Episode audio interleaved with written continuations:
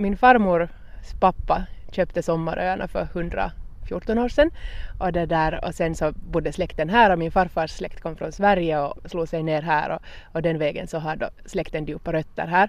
Min farmor och farfar bodde här när jag var liten och vi hade det här som sommarstuga. Men att sen bodde vi ju många år på sommarstugan fast vi officiellt inte gjorde det. Sen när min farfar dog för nio år sedan, när han var 102 år gammal, så blev huset tomt. Och jag tyckte att vi skulle kunna flytta ut dit så nu bor vi då i farfars gamla hus här på underbara Sommaröarna. Mm. Jag hälsar alltså på Mimma Ekblad här och det är faktiskt osannolikt. Det är en underbar sommardag.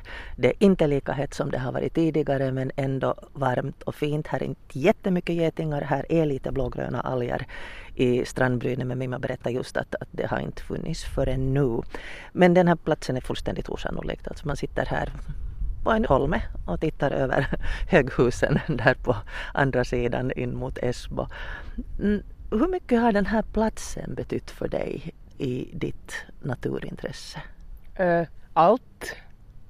Den är, när man bor så här mitt ute i naturen och i skärgården så inte kan man ju annat än förundras över vad som finns omkring en och sen vill man ta reda på det.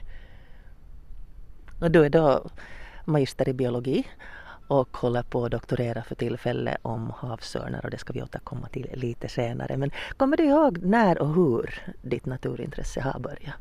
No, det måste nog alltid på något vänster ha funnits där för att när jag var liten så lånade jag böcker från biblioteket som handlade om då naturen för att jag tyckte att det var så spännande. Disney hade en sån här bokserie som, jag tror att det var en film som gick men de, de fanns som böcker också och de lånade jag och slukade jag och sen läste jag om Amazonas regnskogar och så var jag att jag ska rädda Amazonas regnskogar och, det, och då har jag nog inte varit nio år gammal kanske eller något sånt. Men det där annars så, så tänkte jag ju alltså att jag skulle bli författare.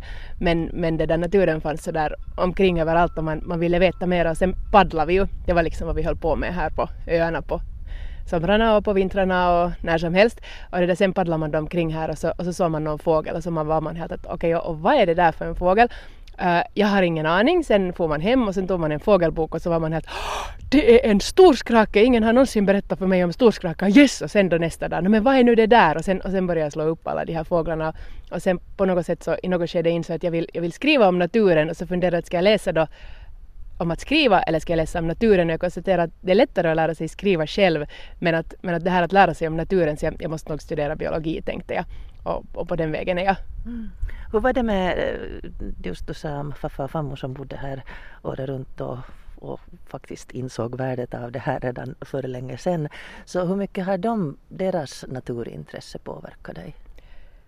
Det, det, finns alltså nog biologer i släkten. Min, min farbror är biolog men han är väl den enda som faktiskt uttryckligen är biolog. Men sen finns det de här, det, det, finns också mycket konstnärer. Jag är absolut inte en av dem men att den här släkten är full av konstnärer och, och de har liksom på något sätt haft den där växterna med att till exempel farmors bror så, så, så var aspirerande konstnär på Ateneum men, men det blev visst aldrig till någonting så han, han fick nöja sig med att bli trädgårdsmästare istället.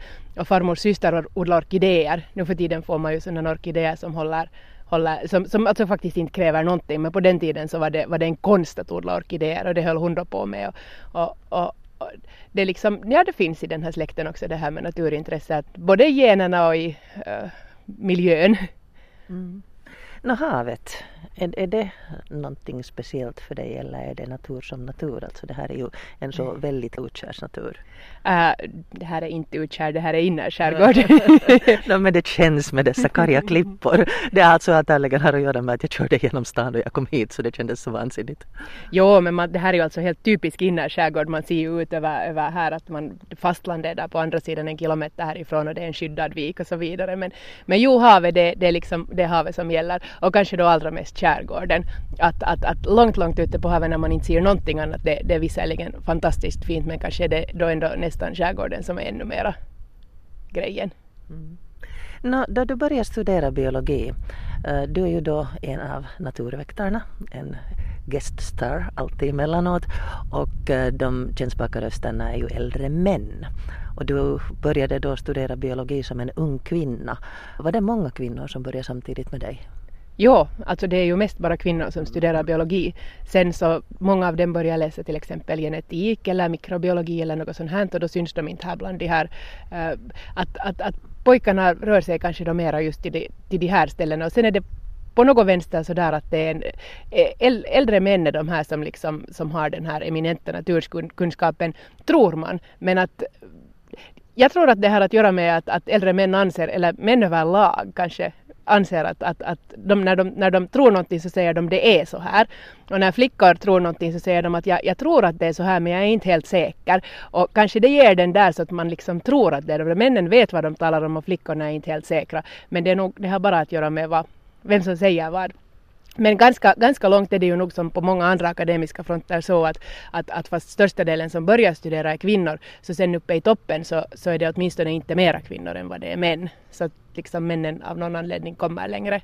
Och, och sen är det ju hemskt svårt att få jobb som biolog. Så jättemånga, biolo alltså sorgligt många biologer börjar studera biologi och sen börjar de göra någonting helt annat för det är helt hopplöst att få jobb. Så de till exempel omskolar sig till närvårdare eller säljer julgranar eller blir DJs på Estlandsfärjan, det här är alltså alla sådana som jag har träffat. Själv så brukar jag hålla simskolor för att dryga ut kassan när man inte klarar sig som biolog.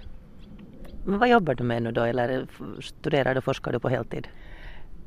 För att, för att kunna forska på heltid så borde man få stipendier och det är lite svårt ibland att få men just nu har jag faktiskt ett så jag skulle kunna studera på heltid men jag hade just lovat åt Helsingfors universitet att jag skulle komma som inhoppande lärare ett par månader och det ska jag göra på våren också ett par månader så nu har jag just börjat med det att jag, jag tar reda på vad det egentligen är jag ska lära de här gulisarna här på den här hösten och sen så försöker jag hålla på med de här havsörsforskningen också.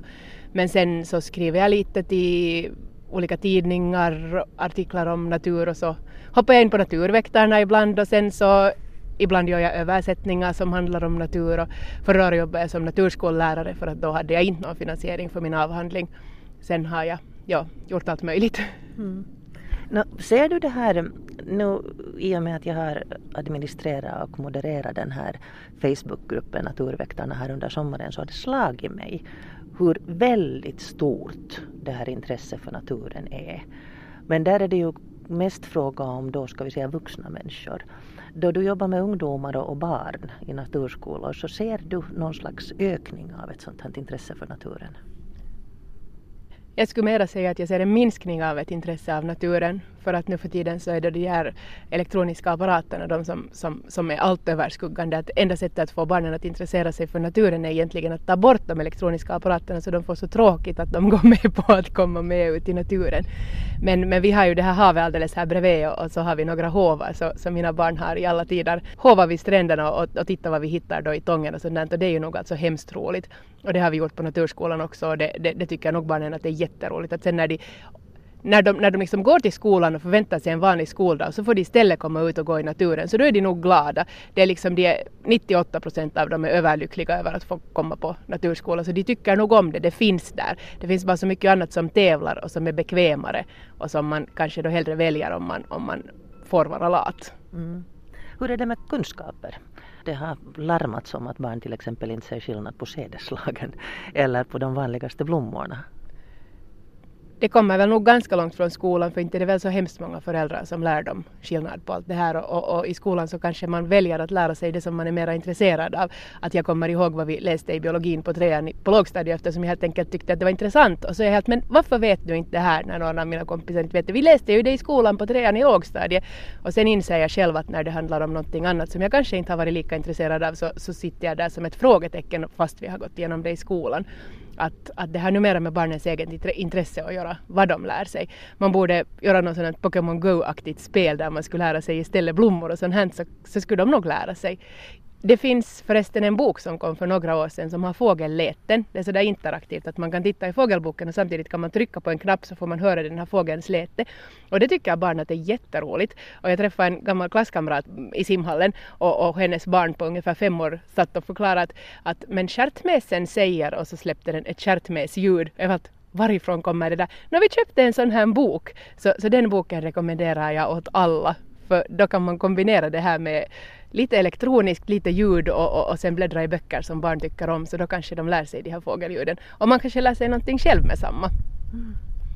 No, för många som börjar studera det som de har varit väldigt fascinerade av på universitet eller någon annan högre utbildning så innebär det en besvikelse för att det är mycket mer teoretiskt och det är inte det här fascinationen på samma sätt som då när man har haft det som hobby. Hur blev det för dig när du började studera biologi? Motsvarade dina förväntningar? Och det, det överträffade dem alla gånger. Jag, jag, jag älskade det. Det var så där att jag första året kom jag inte in alltså. Så jag låtsades läsa fysik ett år och det, blev in, det, det gick inte så bra. Det var hemskt roligt med studieliv men det här med fysik är kanske inte det som jag är allra bäst på. Och sen när jag kom in och läste biologi, det fanns då vissa saker förstås som inte var riktigt lika intressanta. Det beror på åt vilket håll man är lagd, Till exempel det här med mikrobiologi var kanske inte riktigt min grej så de timmarna så kanske jag inte lyssnade riktigt lika uppmärksamt på.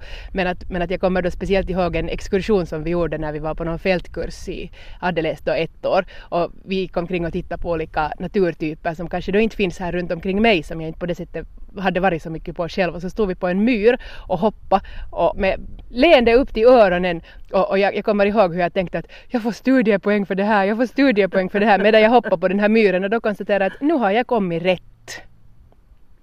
Och så finns det alltså många som, som tycker att det är roligt när de går gymnasiet och inte riktigt vet vad de ska läsa.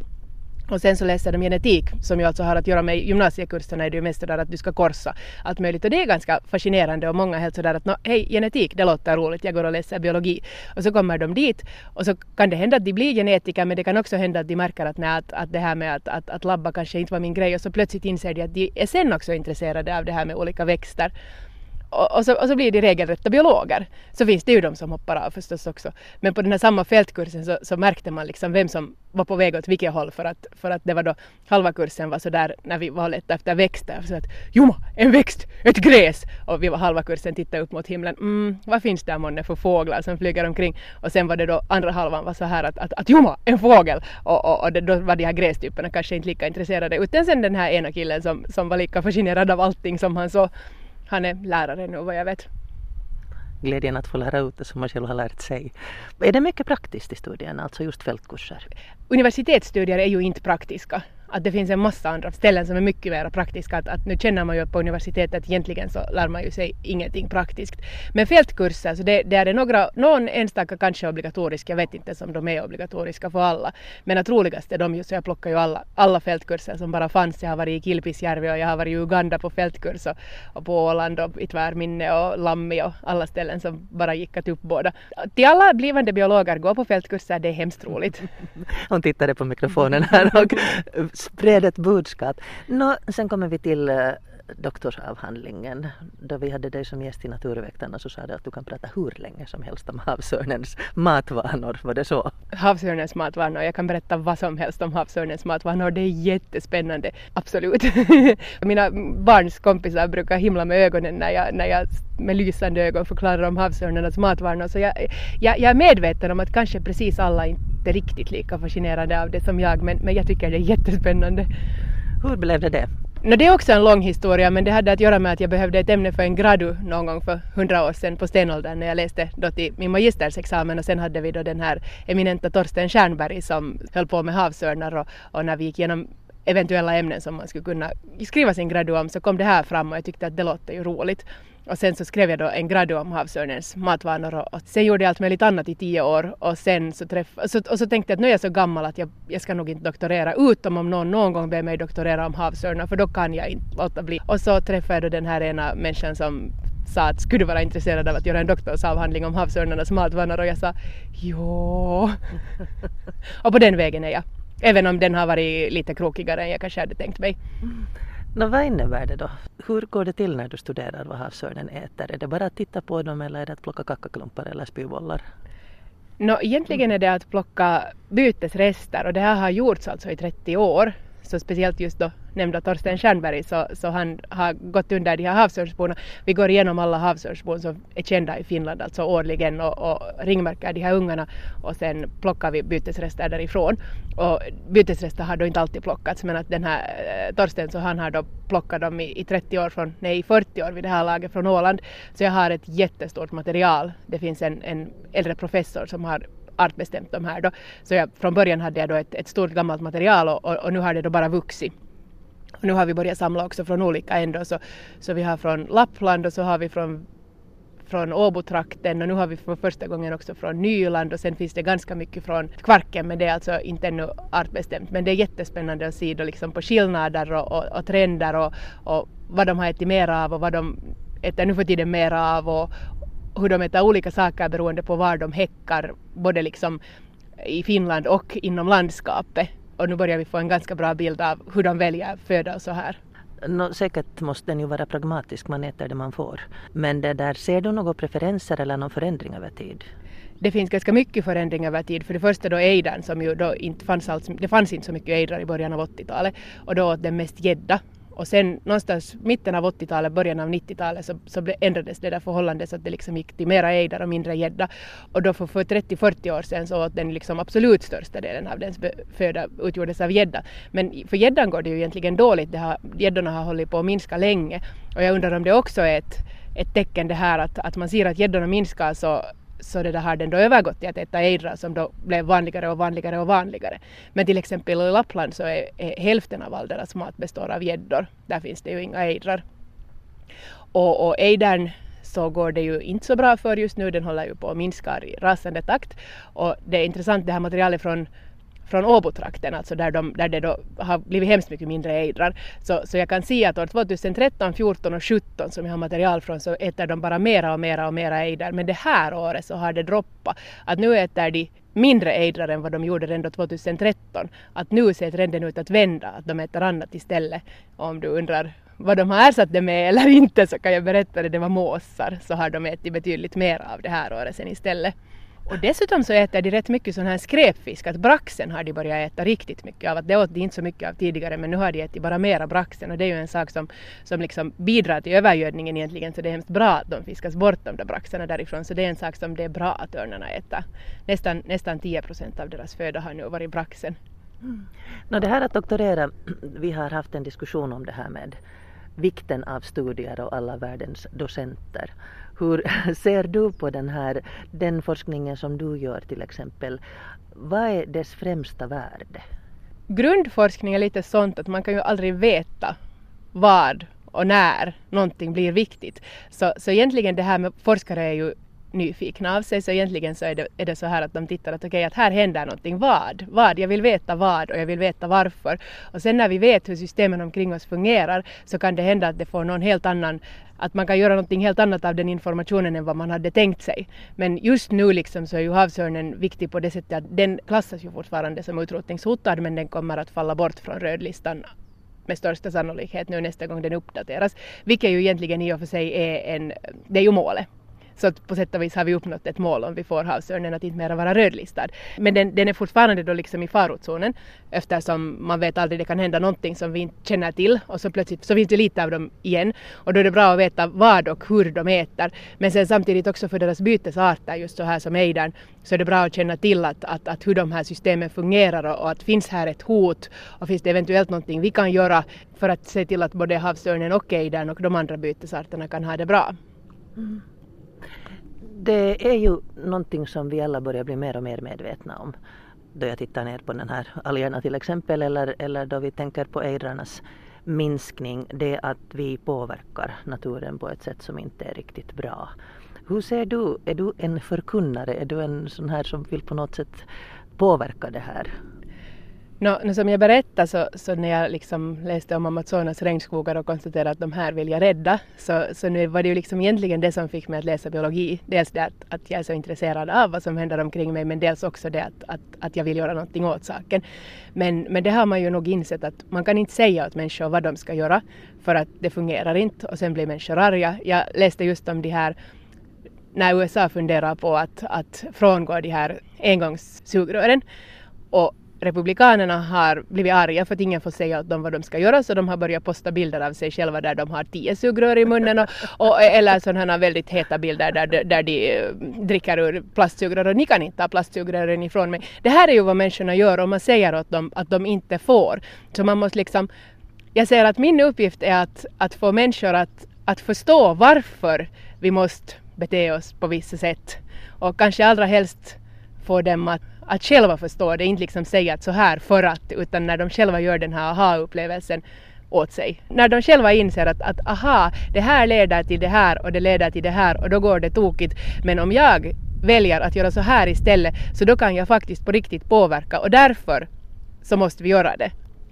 Att jag är inte en missionär som säger att nu måste du göra så här för det fungerar inte utan, utan jag är den som min, min uppgift är att försöka få folk att, att förstå varför det behöver göras för att rädda naturen och att den måste räddas.